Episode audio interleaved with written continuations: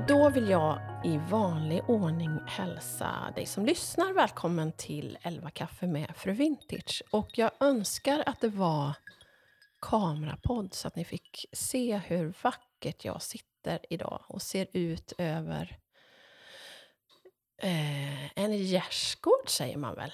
Gam Visst gör man det? Mm. Ja, gammal, gammal gärdsgård och fantastiskt vacker plats på västkusten.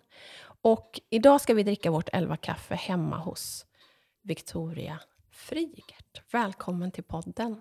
Tack snälla! Så, så glad jag är att du är här. Ja, du är så välkommen. Ja, tack. Ja. Eh, du är ju faktiskt en önskegäst i min podd. Mm. Eh, jag slänger ju ut frågan ibland sådär om det är någon speciell person som man vill höra, som man vill att jag ska åka och dricka elva kaffe med. Och man kan ju tänka då att det är stora, kända, tunga namn, men väldigt sällan är det det.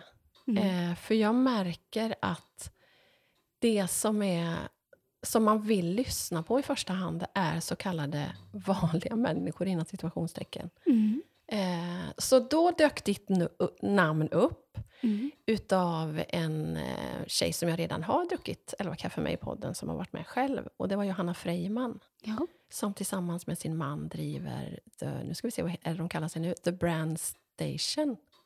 The, the Brand, Brand Station. är det Brand Station? Ja, hoppas det. Förlåt Johan och Johanna om vi säger fel, men jag tror att, att det är det. Gamla custom made. I alla fall, då skrev Johanna så här. Victorias interiör och arkitektur. Eh, nu ska vi se. Det här. Victoria har så mycket att dela om sin livsresa som kan peppa och inspirera andra, skrev Johanna under mitt Instagram-inlägg. Och då svarar du lite kryptiskt. Eh, nu ska vi se så att jag är på rätt rad här. Tack snälla. Jag längtar till den dag då jag vågar ta klivet att berätta. Ja. Och nu sitter vi här idag och du vågar ta det där klivet. Och vi ska prata såklart jättemycket om vad det är som du vill dela och som jag tyckte lät så spännande och givande tror jag för många. Men jag brukar ju börja lite grann softare med hur har din dag börjat? Hur har morgonen börjat? Och min dag... eh, Jag hade en bra dag idag. Vad Ehm, skönt! Jag eh, satt eh, länge och väl och åt frukost. Och min man var hemma och vi brukar dela upp det lite. Så, att, så idag så var han hemma och kunde fixa frukost och se till så att barnen fick med sig det de skulle. Och sådär. Hur gamla är barnen? De är nio och tolv snart.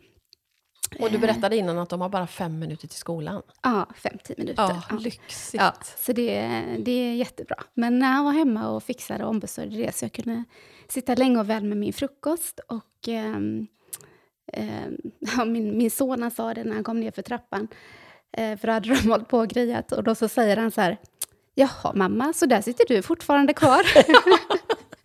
ja, ja, just det. Så att jag, jag njöt av min frukost. Ja, vad skönt. Eh, och eh, sen var jag faktiskt ute på en löprunda. Som jag brukar göra på, på förmiddagen. Gör du det varje eh, dag?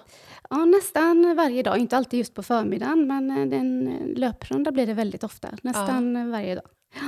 Har du några ehm. sådana där annars liksom, eh, morgonrutiner som du alltid gör? Eller hör löpningen till det? Löpningen hör till det, absolut. Eh, en, eh, en eh, rejäl frukost och sen eh, en löprunda. Det, det är liksom lite morgonrutin. Mm. Men det är inte alltid som sagt att det blir på morgonen. Ibland kan det bli på eftermiddagen. Det beror lite på hur, hur det stämmer med allting, med livet runt omkring. Men det är definitivt en, en, en sak jag gör varje dag nästan. Härligt. Mm. Bra start på dagen. Mm. Är du en frukostmänniska också?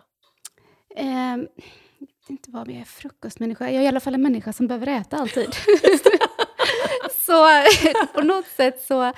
Alltså jag tycker ju om alla typer av måltider egentligen. Men ehm, det är väl just liksom själva känslan när man äter som infinner sig.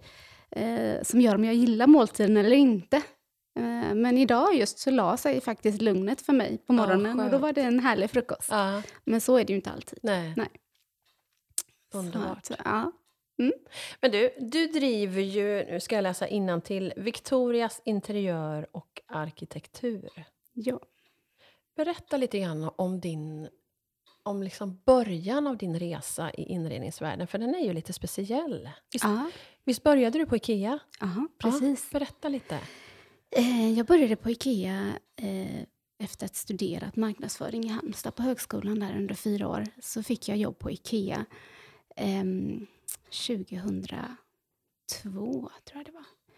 Och ehm, hamnade ju väldigt rätt med en gång egentligen på ett företag där man jobbade med inredning och möbler och att skapa liksom eh, man vill ju liksom bygga, alla skulle ha rätt att, till ett fint hem. Oavsett plånbok så skulle vi skapa någonting fint till alla. Um, och det, det var väl någonting som jag liksom tog till mig direkt. Eh, och jobbade på på Ikea. Ehm, då, på den tiden, så jobbade jag som säljare i butiken. Och, ehm, tog hand om kunderna och se till att de fick de möbler de ville ha och de tips och idéer som man Ja, kunde inspirera med. Och så. Ja. Eh, men eh, jag trivdes med det och eh, fick en roll som eh, vad ska man säga, gruppchef och senare ställföreträdande liksom avdelningschef kan man säga. Eh, lite nästan informellt sådant, men det var väl liksom... Ja, jag, jag tog kliv inom Ikea och jag ville verkligen det också. Och Jag stod bakom hela affärsidén och alltihopa. Jag, det var liksom en tid Ja, hungrig var man ju också efter Ja. studier och så vidare. Man ville visa framfötterna, vad man kunde. Och det blev liksom mitt hem nästan. Så här eh, med perspektiv så var det nästan det. Det blev liksom mitt andra hem. Och det var också liksom lite det som var Ingvar Kamprads melodi också. Att det skulle ju, Ikea var ju vårt andra hem. Ja, liksom. Så jag liksom föll precis rätt i profilen kan man nog säga. Eh, där och då i alla fall. Eh, sen är det säkert ett företag som har utvecklats eh, liksom nu och det är någonting annat idag. Men då var det ju så. Eh, och sen så tog jag faktiskt kliv inom Ikea. Jag började då i Kållered och sen gick jag vidare till Helsingborg där jag fick, blev ansvarig för lampsortimentet i världen. Man skulle se till så att alla varuhus fick sitt lampsortiment. Oj! Ja. Eh, Så då var det mycket belysning och jag fick liksom... Del, ja, tanken var väl egentligen mycket att min roll var att jag skulle se till att de jobbade med sortimentet ute i varuhusen på rätt sätt. Att... eh, att Med eh, skyltning och så. Ja, med skyltning Mm, och sånt. mm. Precis.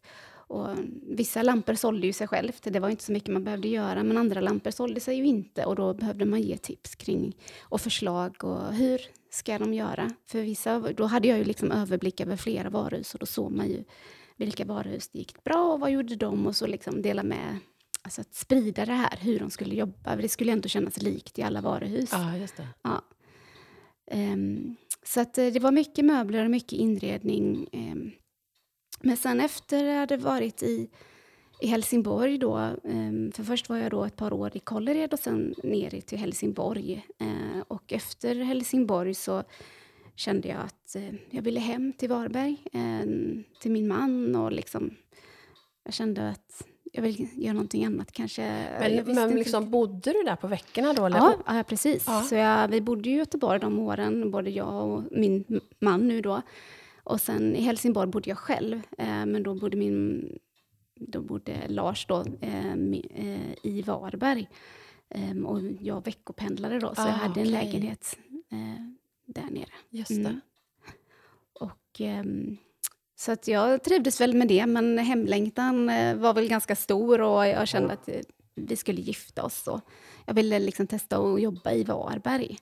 Ehm, och, ja, Hur många år blev det på Ikea då? Ja, det blev faktiskt nästan 12 år. Oj. Eh, Men det blev ju med lite paus emellan då.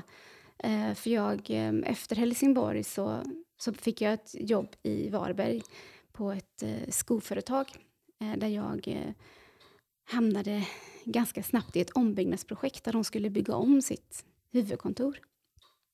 Eh, Där jag träffade på en marknadschef som, som såg mig och min, mitt driv och min kompetens. Och, Ja.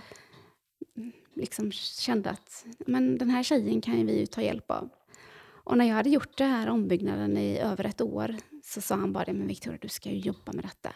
Och rita miljöer och kontor och färgsättning och göra arbetsplatser till folk. så det, var liksom... inte därför, det var inte det du blev anställd för egentligen? Nej, egentligen inte. För jag fick en administrativ roll eh, på det företaget till en början. Eh, för jag bara kände att jag ville liksom hem till Varberg. Jag ville liksom, vi skulle gifta oss, jag ville vara hemma. Liksom. Är du från Varberg? Eh, ja, jag är faktiskt härifrån Bua. Så där vi sitter idag, det är min hem, det är det. hemmaplats. Ja, ja, Jag föddes ju inte här. Jag föddes ju i Sri Lanka eh, och adopterades till Sverige, till Bua, när jag bara var nio månader. Eh, mm. Så att, eh, men, men Bua och eh, Varberg. Men i Varberg bodde vi då i i sju år i alla fall. Eh, också då. Eh, men, eh, ja. men så det här ombyggnadsprojektet och den här mannen där som betydde väldigt mycket för mig. Han peppade mig till att läsa bostadsutformning. Så jag sökte mig till Växjö universitet Aha. och läste där. Aha. Så att, eh, ja, vad ska man säga?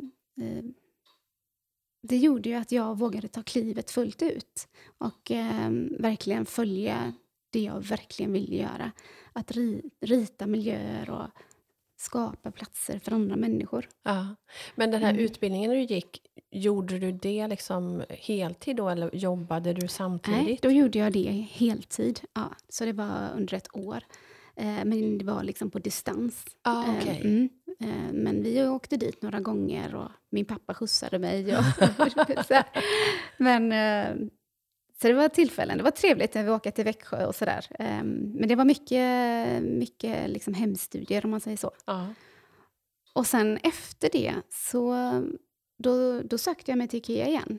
Um, och fick eh, rollen som förstinredare i Karlstad.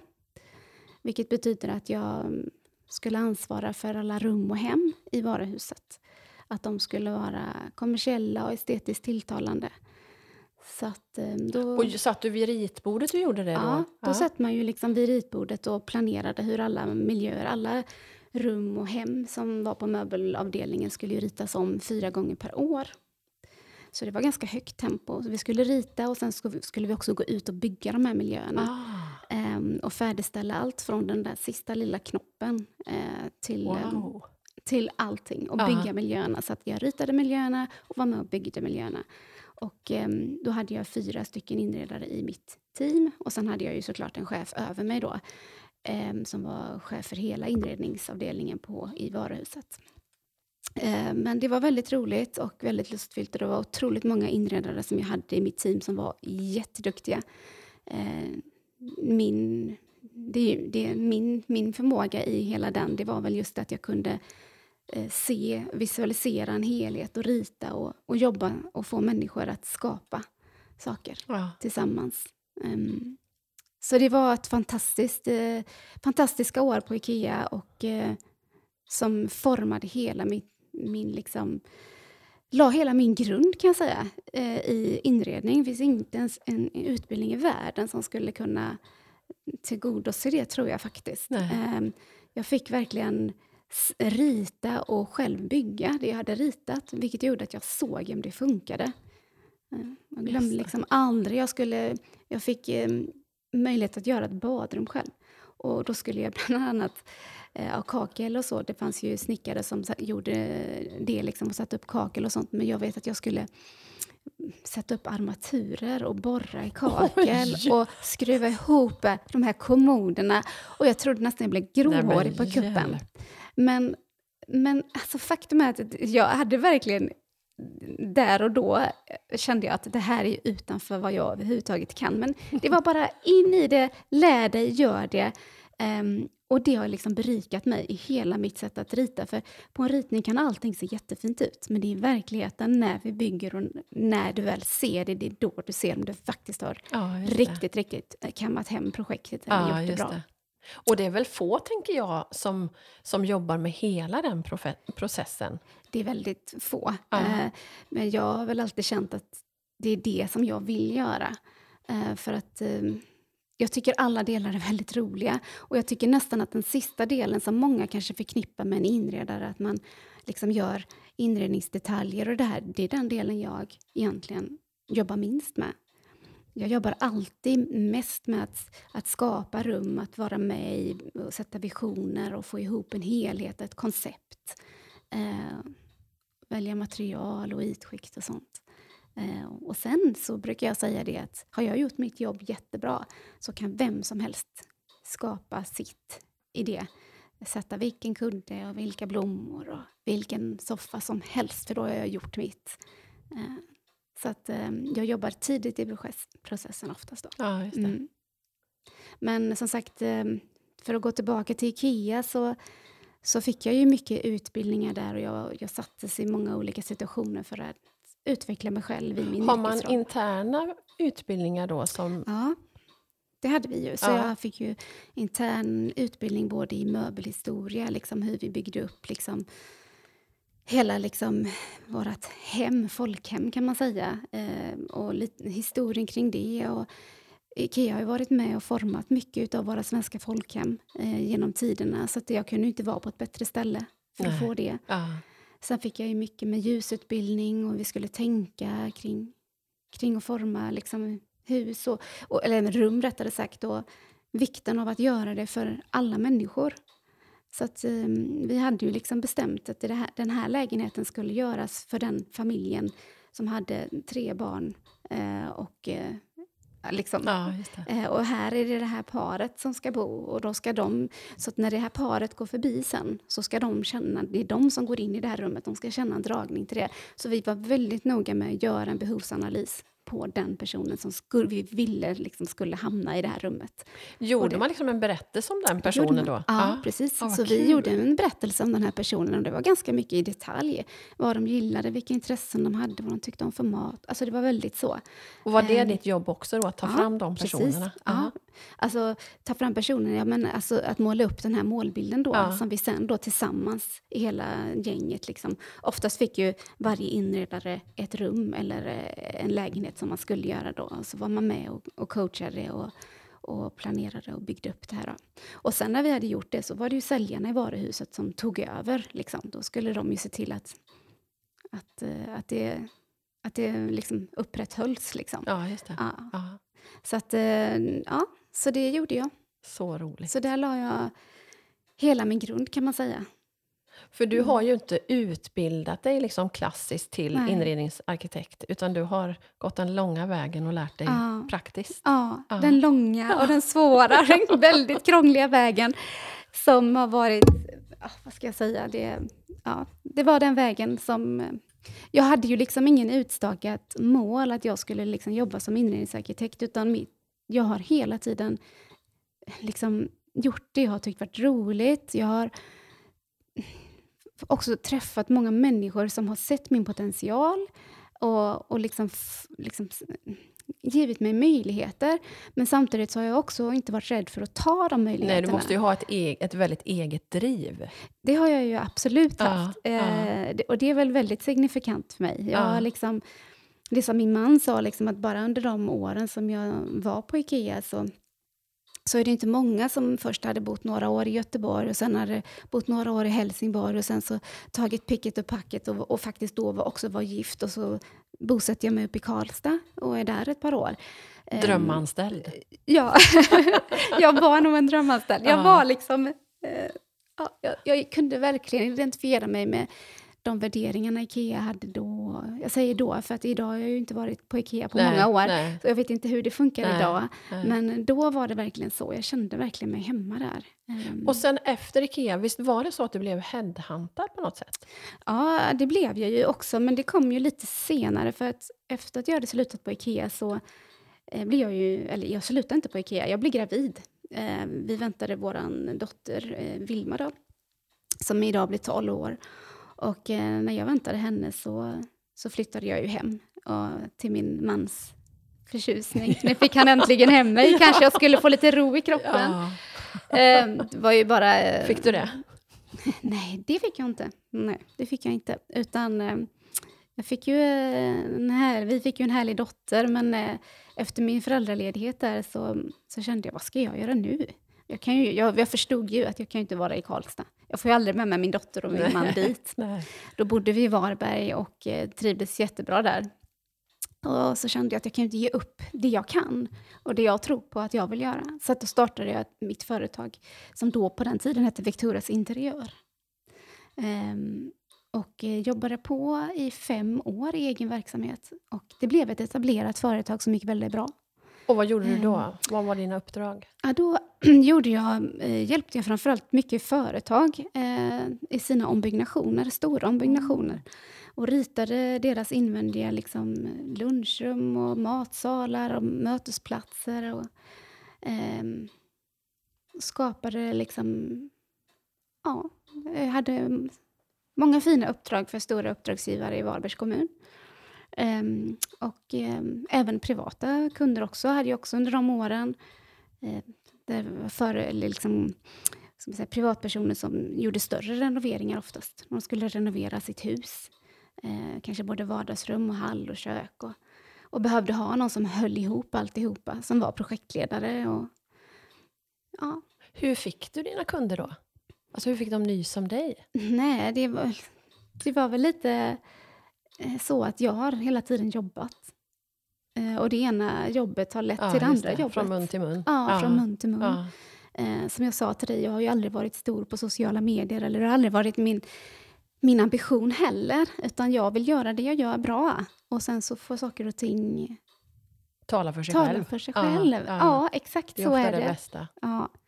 Så, um, det fem år eh, med framgång, Victorias Interiör, gjorde att jag där och då blev headhuntad sen till ett arkitektkontor som heter eh, Arkitekterna Krok och Tjäder.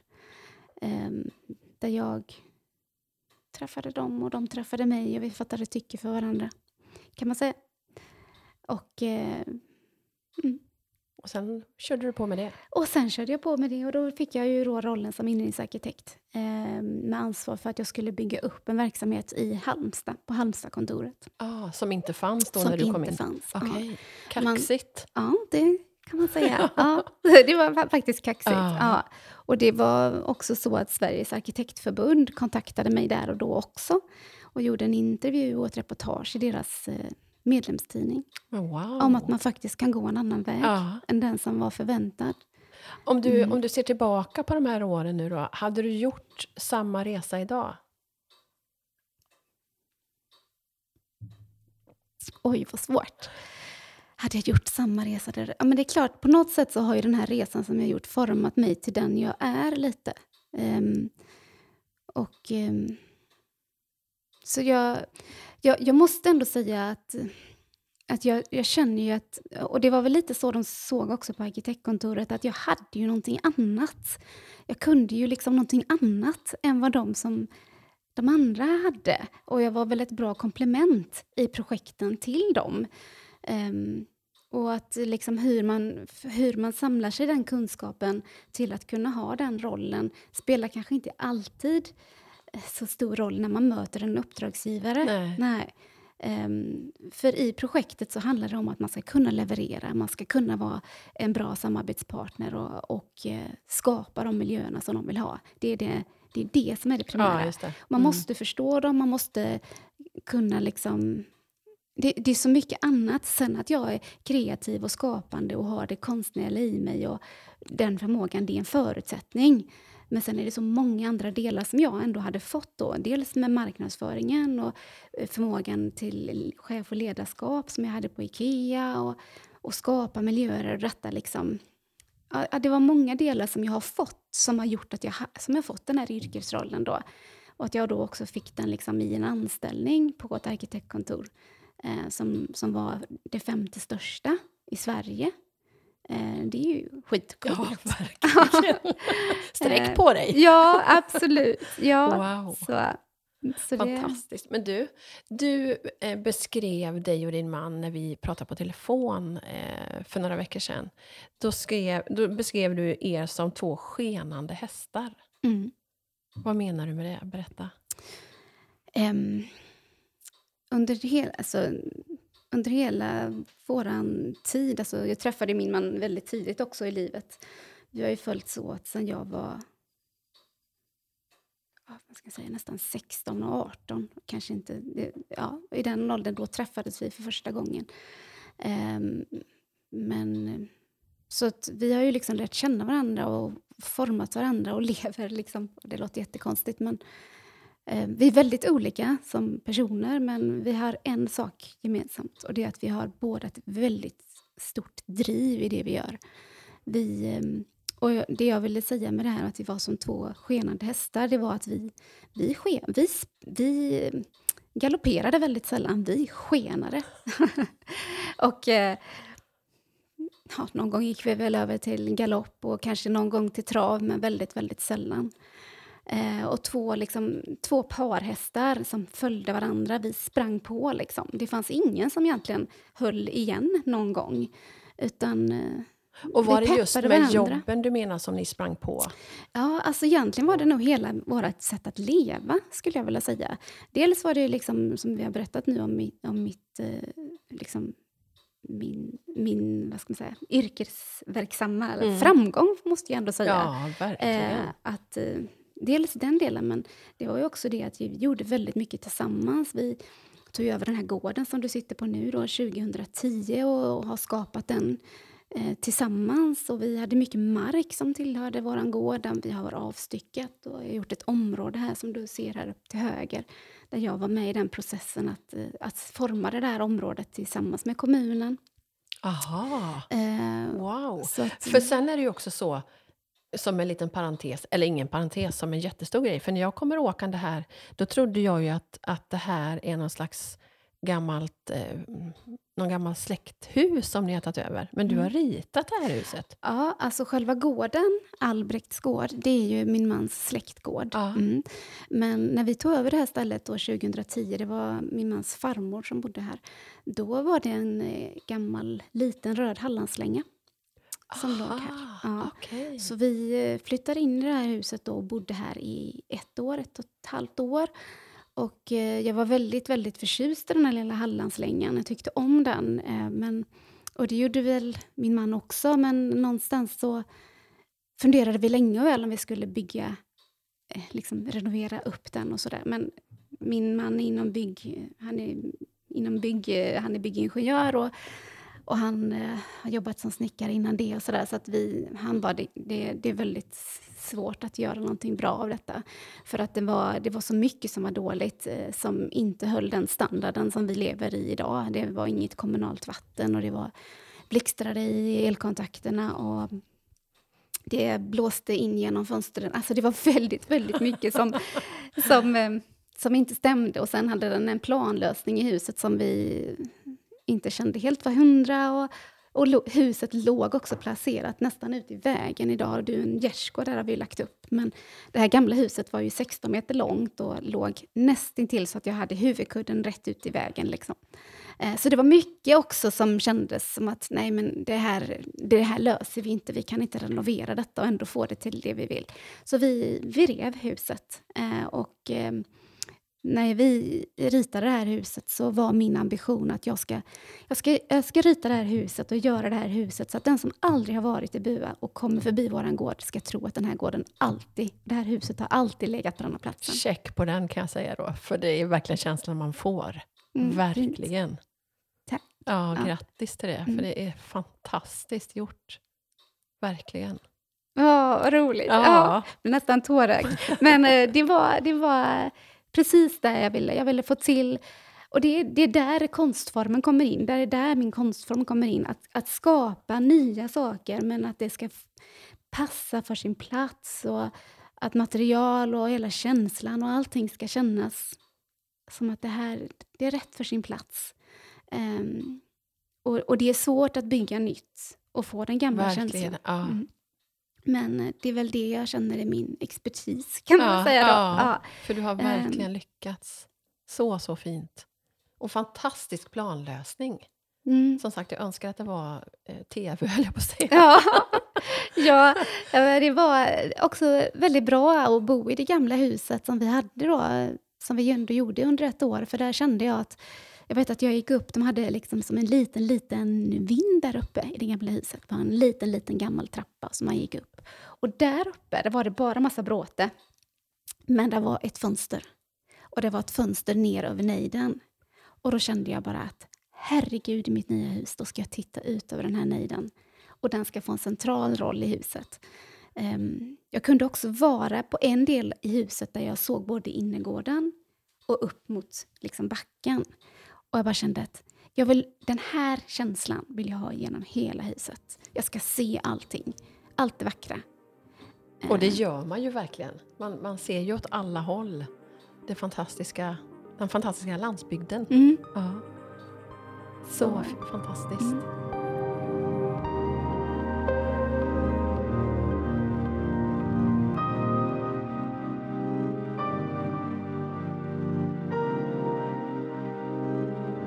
Men du, ni skenade på, din man, sa du Lars Ja. och du, Mm.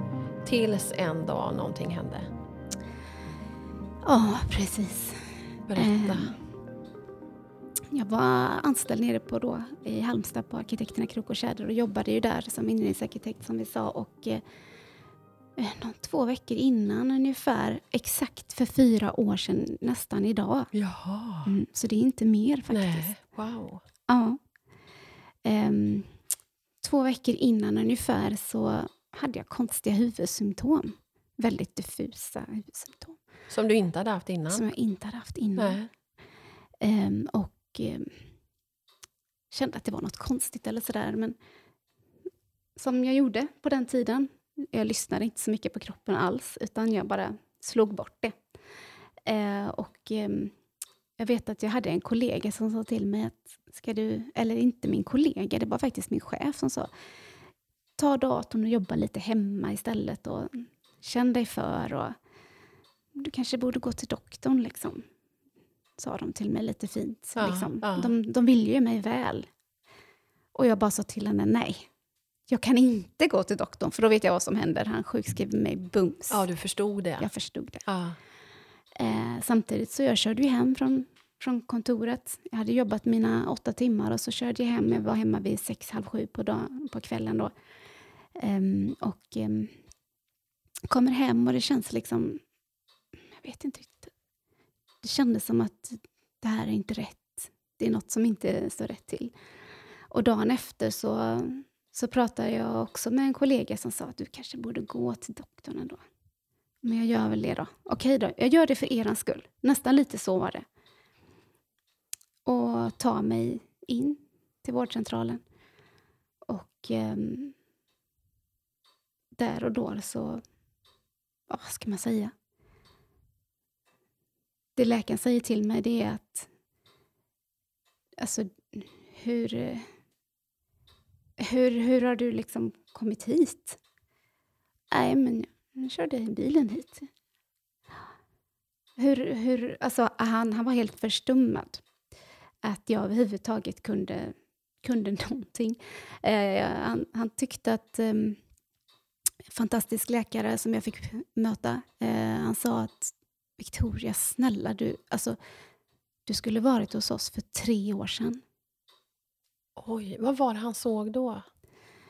Alltså han såg en jättesjuk människa.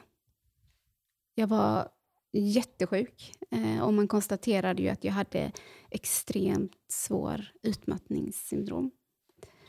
Ehm, jag eh, hade ju jobbat sönder min hjärna fullständigt. Jag hade ingen hjärna när jag kom in. Den var söndertrasad. Ehm, så jag kunde ju inte... Det låter väldigt konstigt kanske för alla som har sett mig här eh, i bygden och så, men det är ju inget som man kan se. Nej. Ehm, Men hjärnan var totalt mos. Jag kunde, inte, jag kunde egentligen inte köra bil, så det var ju konstigt att jag ändå hade tagit mig in i bilen. Liksom. Jag hade ingen balans. Eh, Jag kunde inte läsa. Jag kunde inte skriva. Jag hade in, kunde inte titta på tv. Jag kunde inte, jag kunde inte någonting. Jag var i princip jag var död, men jag levde. Men, men du hade ju ändå jobbat Mm. alltså in i det sista Ja. där. Precis. Det här med att skriva och läsa och liksom Mm. fungera. Mm. Försvann det? Alltså, Dagen efter så var det borta. Så det var som att hela mitt liv försvann i en ballong upp i vägen. Och jag visste liksom att där och då så kände jag att jag kommer aldrig kunna ha det livet som jag har haft någonsin. Det är totalt bortblåst. Um, och det var väldigt jobbigt såklart. Uh, väldigt, väldigt jobbigt. Det var ju um, som att trilla ner i ett stort svart hål långt, långt ner. Och uh, inte nog att jag slog i botten där nere, utan jag lyckas också träffa ett litet, litet hål i botten, där jag också åker ner i det hålet. Så det var ju en total svart tystnad där nere. Där det enda jag liksom kunde höra var mitt eget... Liksom, jag kunde höra min egen andning i princip. Men var det som att du kraschade då när du kom till läkaren? Eller hur ser du på det nu liksom i efterhand? Ja, när jag... Alltså... När jag sitter hos läkaren så var jag ju fast besluten att jag ska tillbaka till mitt jobb. Jag hade bara ett fokus då. Att jobba. Att, att kunna prestera och göra bra saker. Det var det enda. Ända tills jag förstod att eh, det kommer aldrig bli min verklighet igen. Liksom. Så att, eh, nej. Och där... Men vad hände då när du åkte från läkaren? Vad liksom, tas tillbaka till den tiden? För visst var det nästan så att du inte tog dig ur sängen? Eller? Alltså jag har alltid kunnat ta mig ur sängen. Eh, min, min utbrändhet var ju eh, inte fysisk. Det var ju hjärnan som var totalt sönder. Eh, så alla, jag hade ju... Alltså, om jag ska ta mig tillbaka dit så var det väl egentligen att... Eh, jag vet inte riktigt, det blev lite mållös, jag vet inte vad jag skulle säga men... Men det var att du förlorade förmågan att läsa? Ja, jag kunde ju inte skriva. Eh, jag kunde ju inte titta på TV, jag kunde inte samtala, jag kunde inte vara med mina barn, jag kunde inte göra två saker samtidigt. Jag kunde inte koka makaroner. För att jag behövde både hälla upp vatten och hälla i makaronerna och sen... Det liksom eh, gick inte. Så jag kunde egentligen bara sitta och... Det var ju exakt fyra år sedan eh, och det började grönska i naturen så jag kunde sitta hemma i min soffa och titta ut genom alla fönster. Jag kunde sitta ute i solstolen. Jag kunde... Ja, jag satt på olika ställen bara, ute. Um, jag kunde inte vara med någon människa överhuvudtaget. Så hur gick det. med barnen? Hur, hur... Ja, det måste ju varit såklart traumatiskt för dem egentligen. Um, och jag vet, vår son, han var ju inte gammal. Han är ju, blev ju nio idag och det var ju fyra år sedan, så han var ju fem då när det hände. Och det är klart att uh, de, uh, från att jag har varit en person som har varit väldigt engagerad och funnits, alltså det var väl liksom det som jag menar med de här skenande hästarna också, att jag har ju liksom på alla plan i livet varit väldigt driven och gjort väldigt mycket och funnits också för alla människor runt omkring mig. Jag, jag är väldigt, eh, får man säga så, men jag bryr mig väldigt mycket om att det ska kännas bra för alla andra. Eh, mycket empati liksom. Ehm, och det är väl något jag fått lära mig att känna empati för mig själv. För det var väl det jag inte gjorde på det viset. För jag kände att jag klarar ju det liksom, det är bara att bita i och ja. köra på. Det har ju alltid funkat för mig. Så det var ju liksom eh, hela mitt sätt att leva som, som ställdes på sin spets. Att det här funkar inte längre. Men var det lite grann för barnen då från ena dagen till den andra? Att du inte kunde göra det du ja. hade gjort förut? Ja. ja. Jag kunde ju... Som sagt, det här, jag känner ju inte igen mig i det att jag liksom var sängliggande på något sätt. Det har jag aldrig varit. Utan jag jag har varit ute. Liksom. Um, så från att jag blev dålig så, så var jag ute och gick i början, liksom, första månaden. Och bara liksom, kort efter en månad så var jag ute och kunde löpträna och, och sådär. Så att det, min, min utbrändhet satte sig i huvudet. Så han mm. sjukskrev dig där och då? Ja, precis. Och hur länge var du sjukskriven? Eh, ett och ett halvt år. Ja, det är lång tid. Och ändå ja. inte om man tänker på hur länge det hade pågått. Ja, precis. Alltså det var ju väldigt, väldigt många är ju... Och det är väl där jag känner mitt engagemang idag. Att jag vill liksom kunna inspirera och beröra och komma med... Alltså liksom, i alla fall, jag förstår ju det här också med utbrändhet, att det är väldigt komplicerat. Och alla har sin historia och sin resa till, kring varför man hamnar i en, en utbrändhet eller en utmattning. Och alla har också olika möjligheter att att jobba sig därifrån eller ta sig därifrån. Så det har jag all respekt för. Men det jag hoppas kunna göra det är att beröra med min resa och dela med mig av det jag har gjort. Liksom. Um, för jag var, jag var riktigt jättedålig, där man liksom tvivlade många gånger på, mer än en gång på om jag överhuvudtaget skulle kunna komma tillbaka till ett fungerande liv igen. Um, faktiskt. Mm. Mm. Och efter det är svårt att, att tro när man ser det idag. Ja, men det, det som är ju att jag mår ju... Jag har ju aldrig mått så bra i hela mitt liv som jag gör nu. Någonsin. Men innan du berättar hur du har kommit dit. Eh, jag tänker, förutom den här hu konstiga huvudvärken då som kom ett par veckor innan du mm. kraschade, om mm. jag nu ska säga så. Eh, hade du liksom inte haft några signaler eller någonting som Alltså att du, hade, att du kände att någonting var på gång? Absolut. Jag har haft jättemånga tecken. Absolut. Jag har haft... Alltså det har varit så mycket under hela min livs... Ja, 41 år var jag ju när jag kraschade och fram till de 41 åren så har jag ju liksom alltid haft det här livet med mycket, eh, vad ska man säga, jobbat mycket helt enkelt på alla plan i livet och velat göra bra saker på alla plan i livet eh, till att finnas för alla mina nära och kära och vara en bra vän och bra människa. Eh, så, vad ska man säga, jag... Är det något som du... Är, är det ett krav, om man säger inom citationstecken, som du har satt på dig själv? Eller är det någonting som omgivningen har skapat, den här Nej, jag, jag känner nog att allt det här kommer från mig själv. Ja. Jag lägger alla fingrar pekandes på mig själv. Eh, det, det, har varit mitt sätt att, att vara som människa och det har varit mitt sätt att leva och jag kunde inget annat. Alltså att jag hamnade i den här fruktansvärda utbrändheten som det blev, det var ju för att jag, all, jag visste inte vad återhämtning var. Jag hade ju, hade jag kunnat leva mitt liv och få in återhämtning så hade ju det här inte hänt. Nej. Um, men på din fråga där med olika signaler, jag hade ju sett signaler hela tiden. Eller sett, ja, ja jag hade sett dem, men jag lyssnade inte på dem. Alltså, jag gjorde och vad var det för signaler? Och alltså, det kunde vara... Um, till en början så var det väl kanske det att man hela tiden... Man hela tiden... Man var väldigt sällan i nuet. Jag hade ju hela tiden, var jag än var och vad jag än gjorde, så hade jag alltid siktet inne på nästa på nästa, på nästa mål. Liksom. Mm. Um, men det jag, jag, fick väl kanske så här...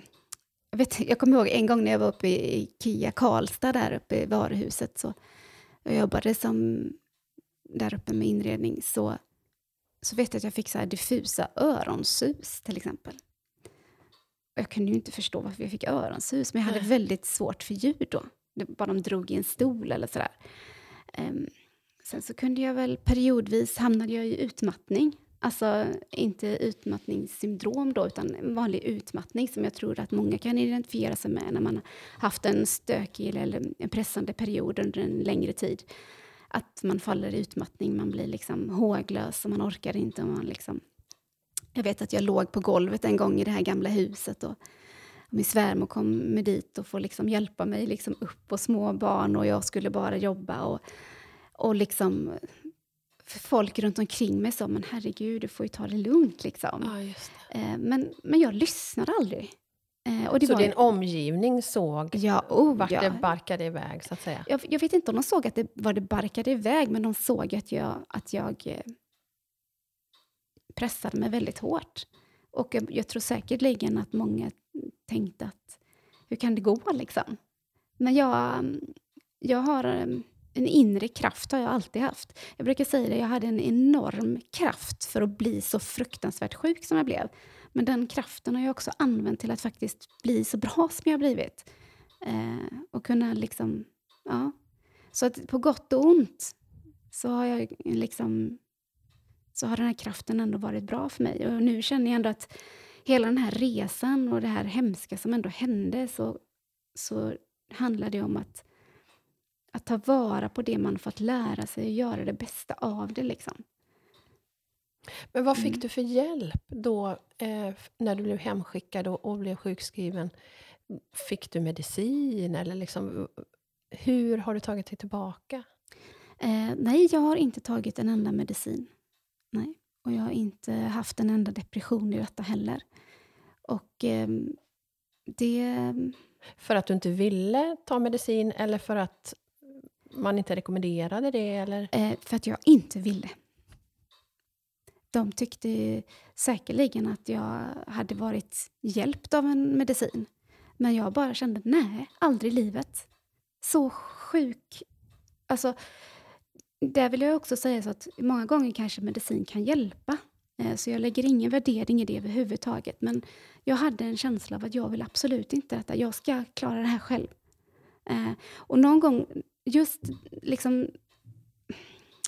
Det jag kände det att har jag kunnat bli så här sjuk av mig själv så ska jag kunna bli så här bra av mig själv. Ja. Och vad gjorde du då? Vad är det som gör att du faktiskt sitter här idag och driver ditt företag? Jag för första gången i hela mitt liv, så där och då, så bestämde jag mig för att lyssna på mig själv. Lyssna på min kropp. Och, och att jag måste liksom... På, på något sätt så förstod jag också att när allt ställdes på sin spets, när liksom jag kände att jag hade liksom inget jobb längre. Jag kunde inte vara den här Victoria som, som, kunde som jobbade i projekt och levererade projekt. Jag kunde inte vara det. Vem var jag då? Liksom?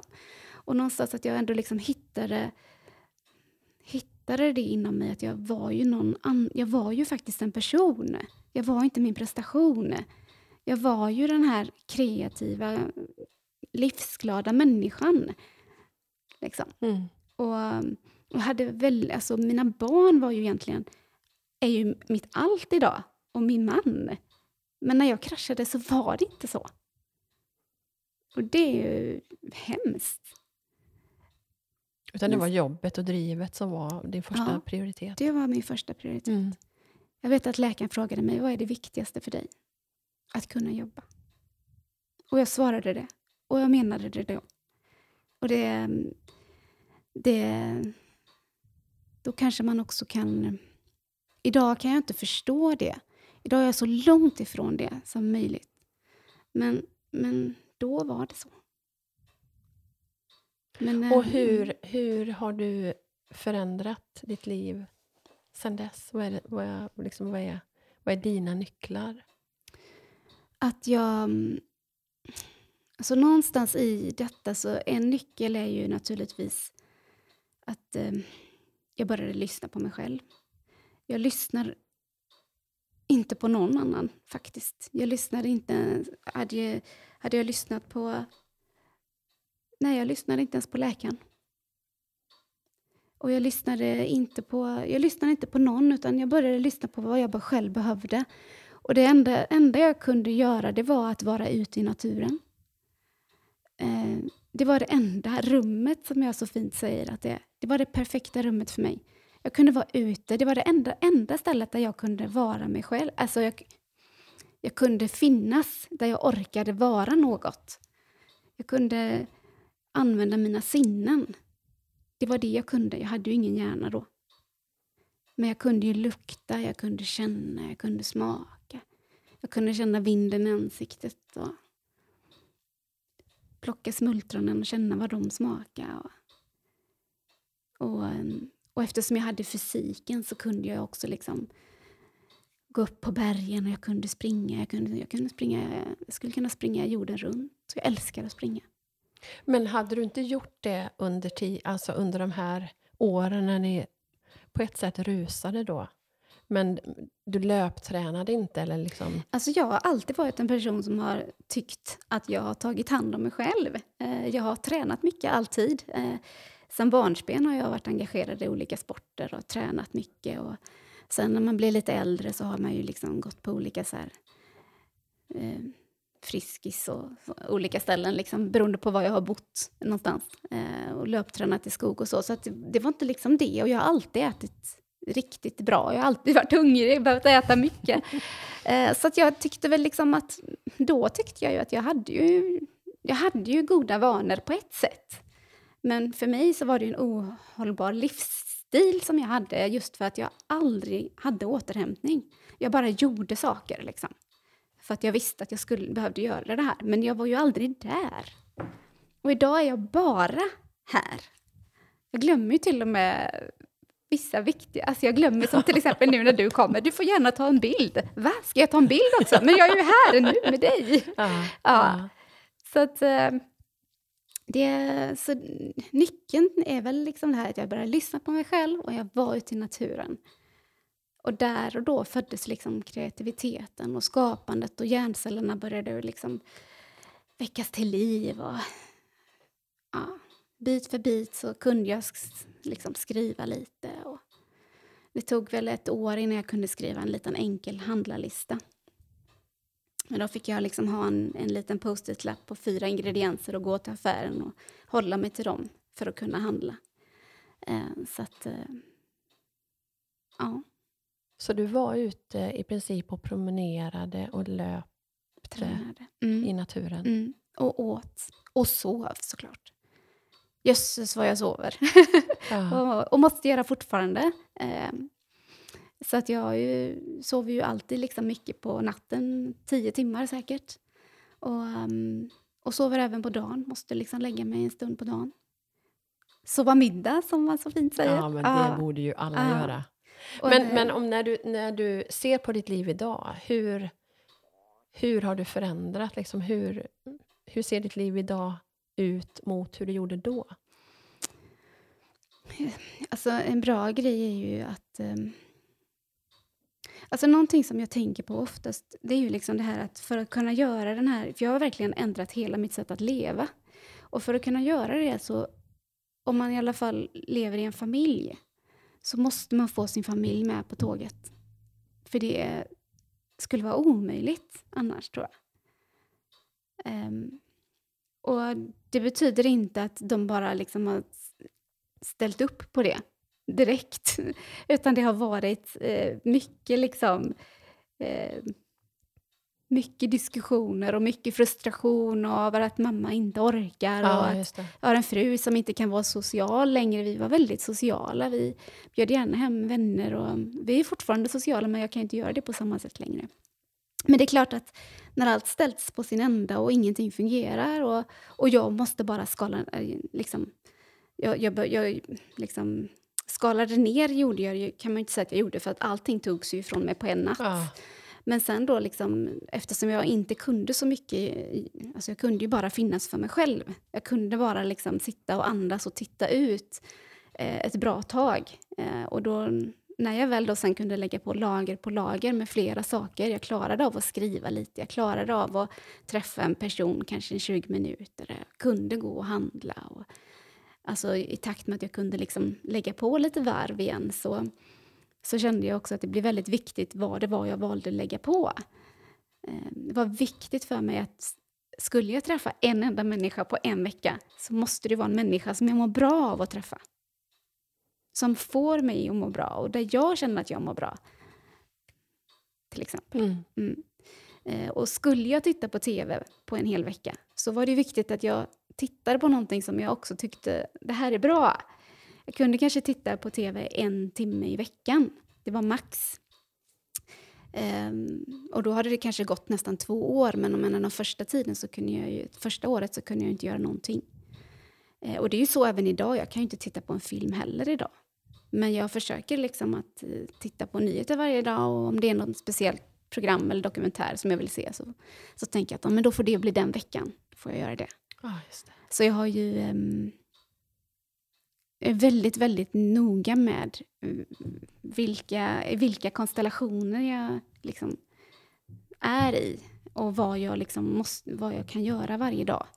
Eh, det är väldigt, väldigt avvägt. Det är nästan som att stå och väga. Liksom. Eh, hur mycket, ja, det är viktigt att den energin jag får till mig eh, liksom stämmer med det jag ger ut. Vad man ska just det. säga. Ja, Ja. Jag förstår. Och för du var ju också nu, inför att vi skulle ses, så frågade du om vi kunde ses på förmiddagen, för att då är du som Mm. piggast. Ja. Så det är fortfarande så att du liksom behöver husera med, Oh ja, med din energi. absolut. Ja. Mm. Och det tror jag kommer vara så hela mitt liv. Om jag ska säga så. Jag är fortfarande på en resa, men jag, jag känner att... ehm, det har ju å andra sidan, precis som att min livsstil gjorde mig sjuk, så har jag ju liksom fått skapa en ny livsstil tillsammans med min familj och mina barn. Och den, har, och den känner jag liksom är mer sund och mer hållbar. Och det innebär inte att jag inte kommer att fortsätta med detta om tio år. För det här är ingenting jag gör nu bara för att må bra i stunden, utan jag ser verkligen att det här är en investering för mig själv i hela mitt liv. Jag hoppas ju att jag ska kunna bli gammal och vara frisk och finnas för mina barn. För det är det absolut viktigaste idag. Att mina barn ska få må bra och växa upp och bli bra människor. Och sen vill jag självklart göra bra saker också. Mm. Men det är inte mitt driv längre på det viset att, eh, att jag måste prestera i varje projekt. Världen är så mycket större. Och så mycket rikare idag. Mm. Mm. Så det här att, att ni, eh, för det berättade du redan innan, att ni förändrade er livsstil, hela familjen. Det var inte bara du som gjorde det. Eh, har det handlat om vad ska jag säga, för värderingar då egentligen? Mm. Ja, alltså... Eller vad är det, det den förändrade livsstilen ligger i? Att skala ner livet. Att välja vad vi gör. Att, eh, att ha tråkigt ibland. Alltså det är nyttigt att Ja, ha tråkigt. bra. Det är Mm. väldigt bra att bara sitta och ha tråkigt. Och, mm, jag vet inte riktigt vad, jag, liksom, vad vi egentligen har gjort, men, jo, men vi har skalat ner livet. Att vi, från att vi hade väldigt många olika projekt på olika saker. Vi hade projekt på jobbet, vi hade projekt här hemma, vi, vi var sociala, träffade folk och vi, vi liksom skulle få ihop alla det här livspusslet. Så fick vi liksom skala ner Alltså det var, fast att det var midsommarafton så kunde jag inte ändå vara med. För att det gick inte liksom. Alltså att jag, jag fick liksom... Jag fick verkligen, ja, men hela familjen fick tänka, vad ska vi göra? Till exempel när vi skulle ut på semester till exempel. Från att vi har gjort vissa typer av semestrar innan så var det ett helt annat fokus nu. Så vi åkte till exempel till Bad Gerstein och vandrade och var ute liksom i naturen. Vi fick liksom tänka nytt på alla områden. Eh, maten till exempel, som jag alltid har tyckt att det har varit viktigt med mat och att äta hälsosamt och så. Men det var ännu viktigare att jag åt mina ägg på morgonen. Och det var ännu viktigare att jag inte åt något socker. För att jag behövde ta hand om min hjärna och mina hjärnceller och göra det bästa liksom. Har du tagit bort sockret helt? Alltså, det händer, nej, Nej. det gör jag inte. Nej. Men, men under då när jag var sjuk, idag ser jag mig som frisk, men fortfarande på en resa. Mm. Eh, där jag alltid måste tänka mig för såklart. Men jag är ju absolut frisk. Men eh, jag älskar ju smågodis. Och det är ju jättehemskt. Jag med! men, men när jag var sjuk så var det inget sånt. Nej. Nej. Och jag har ju liksom aldrig druckit alkohol eller något sånt heller. Eh, så att jag har ju varit en ganska... Ja, vad ska vi säga? Ja, jag, jag känner att jag mår bra av att äta en apelsin. Jag känner att kaffet får en effekt. Och jag känner liksom att äggen gör skillnad för mitt huvud. Jag har verkligen börjat lyssna på allting. Vad säger kroppen att den behöver idag? Mm. Mm. Men, ehm, ja. Tyvärr är ju inte eran, vad ska jag säga, eran livsstil och eran historia unik. Eh, jag tänker om det är människor som sitter och lyssnar nu som kanske lever i det här galna ekorrhjulet som bara snurrar och snurrar fortare och fortare och fortare och fortare. Mm. Vad, vad är liksom dina tankar kring det idag? Hur... Inte vad är ditt råd kanske, men hur hade du levt om du hade fått göra om? Liksom? Vad, vad, vad, är, vad är hemligheten? Mm. Alltså man kan ju nästan säga att jag fick... Jag, jag var ju tvungen till att göra om allting. Ja, ja. Eftersom allting togs ifrån mig så var jag tvungen till att när jag väl hade liksom förstått vad jag, vilken situation jag hade hamnat i och var jag befann mig så kände jag att om jag nu måste börja lära mig saker igen. För det var verkligen så. Jag behövde lära mig att hålla balans. Jag behövde lära mig att skriva. Jag fick sitta med pennan och skriva. Liksom. Um, och då så kände man ju också sen att i takt med att man får lära sig saker så, så var jag ändå så pass, vad ska man säga, det är klart att man vill inte ta med sig det gamla som man hade med sig som var dåligt för en. Utan man såg ju till att bara liksom lära sig det som man visste var bra ändå. Mm. Um, så att um, på något sätt så fick jag ju lära mig att leva igen och då vill jag ju göra det liksom, rätt. Rätt igen. Plus att jag, eftersom hjärnan blev som den blev, så skadad, så fanns det inte så mycket invanda gamla mönster kvar. För det, hade, den fanns, det var ju söndrigt alltihop. Ah.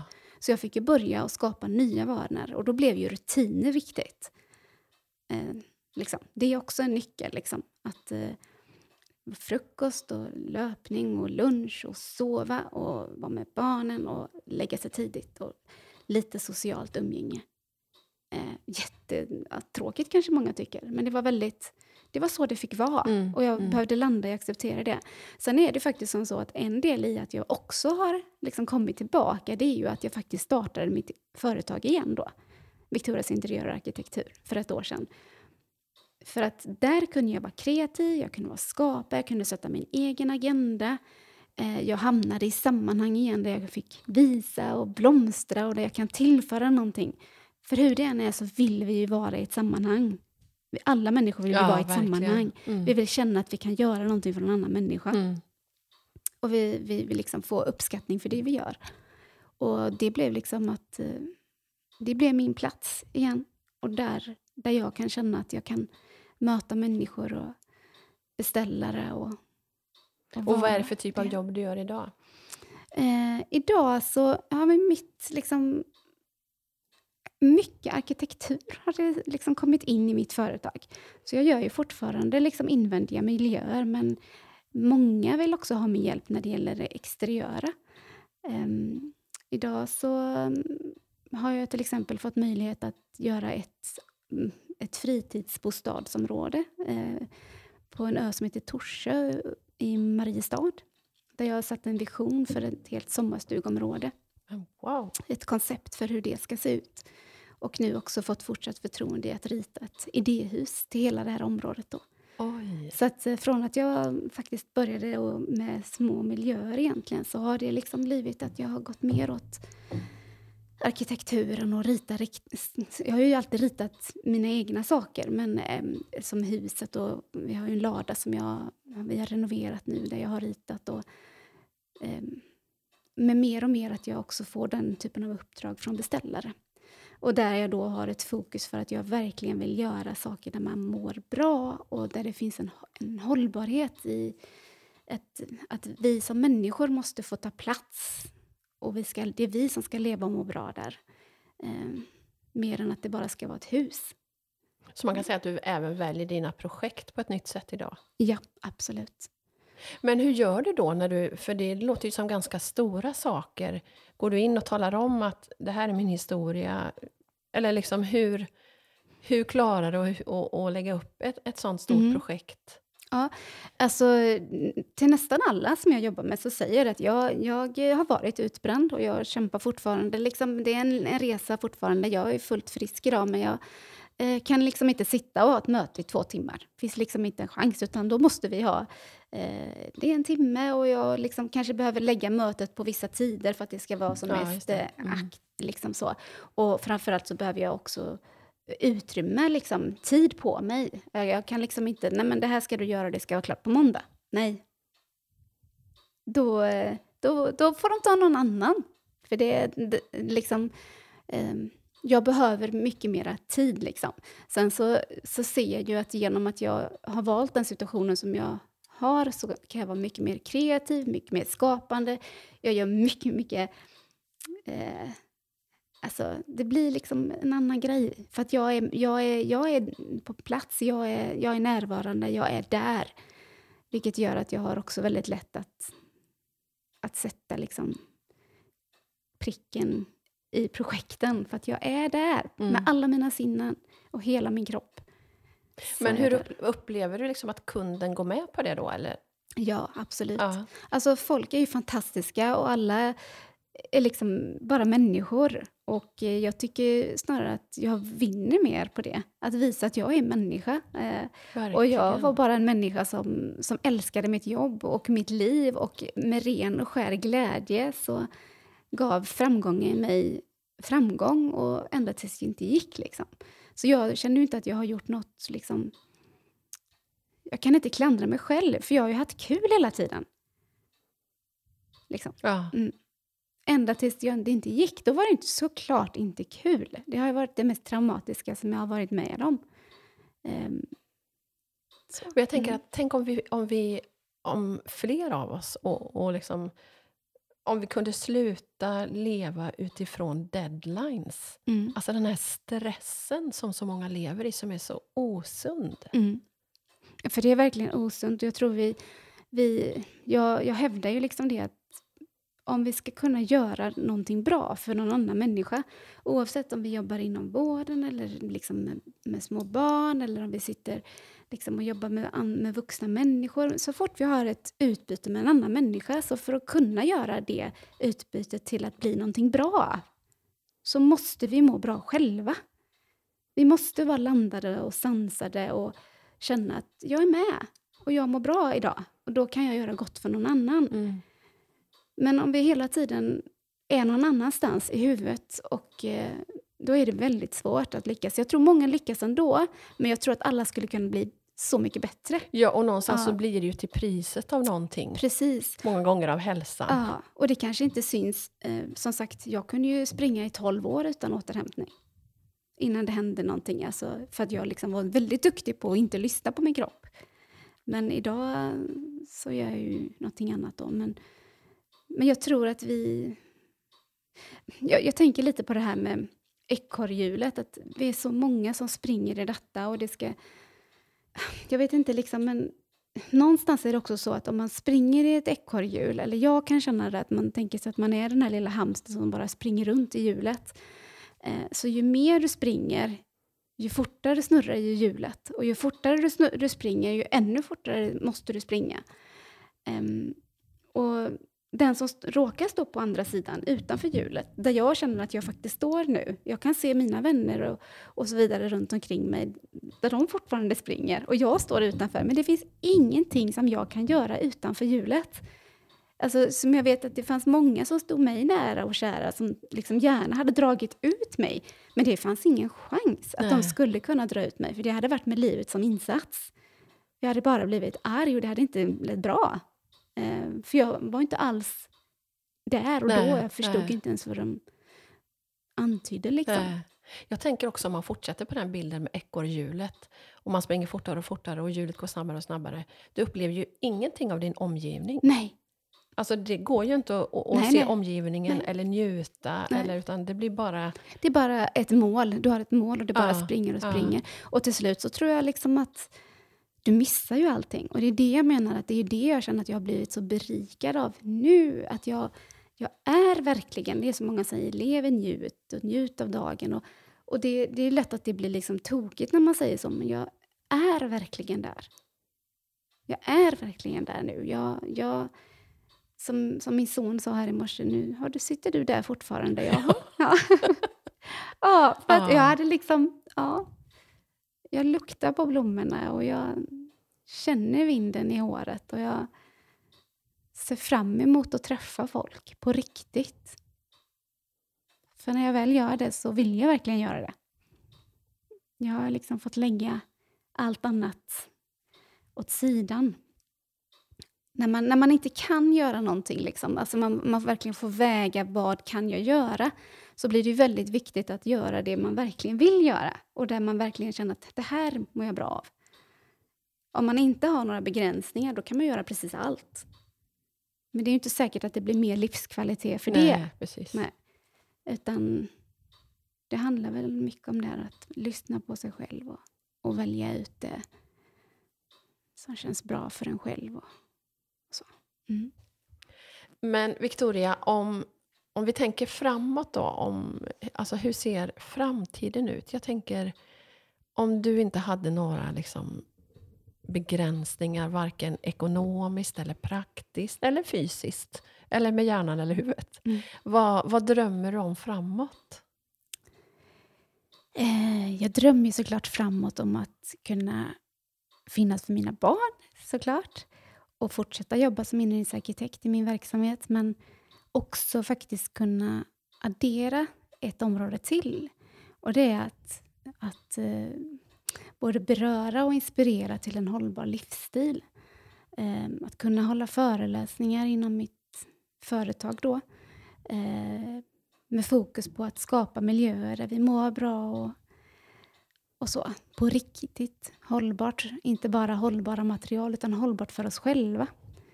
Um, och då hoppas jag att min livsresa ska kunna...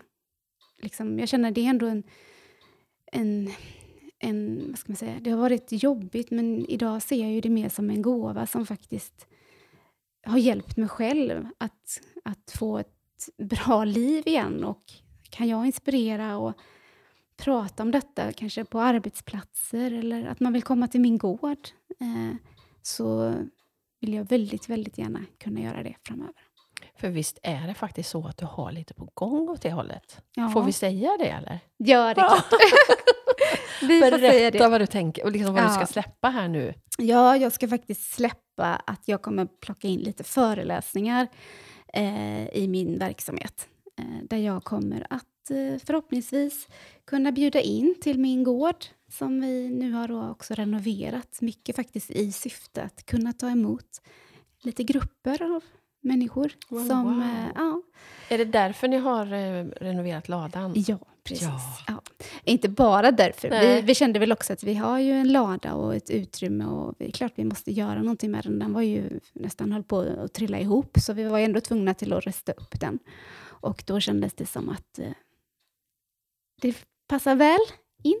Eh, och jag tror att om man kommer till vår gård och känner hela atmosfären och andan och då förstår man nog vad jag menar. Verkligen. Ja, Verkligen. och jag tycker det är viktigt i livet att man får skapa sig sin plats. Och, och jag tror att det kan vara en, en härlig upplevelse att komma till mig och förhoppningsvis och inspireras och få med sig lite goda verktyg. Och, eller om inte annat, bara en härlig stund. Fantastiskt. Eh, Men så. kommer du vända dig till privatpersoner eller till företag? Eller? Jag ser gärna att jag får möjlighet att besöka företag. Ehm, för att jag, eh, jag ser ju att, eh, att det någonstans, vi är ju väldigt mycket på våra arbeten. Och jag känner själv att hade jag träffat mig själv i den rollen som jag var i så, och fått veta hur fruktansvärt illa det kan bli, då hade jag kanske börjat förstå, eller lite granna lyssna i alla fall. Och kan jag liksom... Jag tror det är mycket lättare att jobba förebyggande. Att, eh, att, att berätta sin historia för de som, som, vad ska man säga, som är i farten och som är i hjulet. Ja. Ja, för då tror jag att jag kanske förhoppningsvis kan inspirera och göra skillnad. Och, och jag vill ju liksom att företag ska liksom känna att det finns ett intresse kring att vår personal måste må bra, för då gör de bra saker för vårt företag. Mm. Samtidigt som jag ser att där, där vill jag ju verkligen vara. Eh, men så känner jag också att det finns kanske säkert helt andra typer av grupper. Kanske pensionärer som vill göra något trevligt och lyssna på något inspirerande. De är också stressade idag.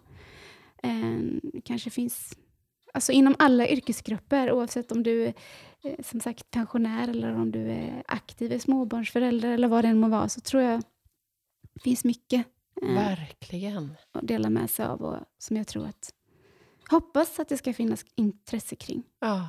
Vilken skatt du har att dela med dig av, verkligen. I Mm. allt du har gått igenom. Och... Men, men kommer, du, alltså, kommer man kunna anmäla sig då till, Ja. som, Mm. som privatperson? Ja. ja. kommer man kunna göra. Mm, Fantastiskt. absolut, Jag så det kommer kommer. finnas.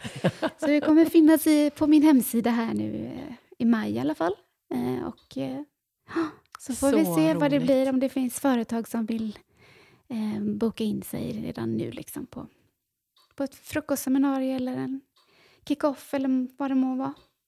Så. Så bra. Mm. Så bra. Och det är också ett sätt för mig att kunna faktiskt tillföra någonting till samhället och faktiskt jobba. Eh, men det jag behöver är variation i mina arbetsuppgifter. Både jobba som inredningsarkitekt och sen kunna fylla på med liksom andra saker. Eh, jag är ju fullt fungerande och frisk och mår bra, men jag kan inte sitta 100% med att och rita Nej. och utforma miljöer. Det funkar Men om vi ska sluta då med att och, och, och göra reklam för, alltså hur hittar man, hur, hur kommer man hitta den här informationen? Det kommer finnas på min hemsida, eh, Victorias interiör och, interior och arkitektur.se. Eh, och sen kommer jag också lägga ut på mitt Instagram, Victorias interiör och arkitektur, är även Instagram och på Facebook och på LinkedIn. Så att jag hoppas att det ska inte undgå någon. Nej, det är bra. Eh, Ja, så så, att, eh, roligt. Så din, eh, din förfrågan och din inbjudan här, den kommer ju väldigt, väldigt lämpligt. ja, är så Eh, jag brukar för. säga det ibland så, timing liksom. eh, Det, ibland bara blir det. Och den här gången bara blev det väldigt rätt. Så stort tack. vad roligt. Verkligen. Mm, Ja, och stort lycka till. Verkligen. tack. Tack, tack, tack Victoria. Jag blir lite Tack. tårögd Tack. nu. Tack Ja. för att du delar din, din resa. Eh, och jag tror att det kommer att berika många av oss. Det har verkligen berikat mig. Är det så? Ja, det, så är det verkligen. Vad Så, fint. tack så jättemycket. Ja, jag blir ska, vi, jätteglad. nu ska vi fika Ja. och fortsätta prata. Absolut. Tack så mycket. Tusen tack för att du bjöd in mig. Hej då. Tack. Hej.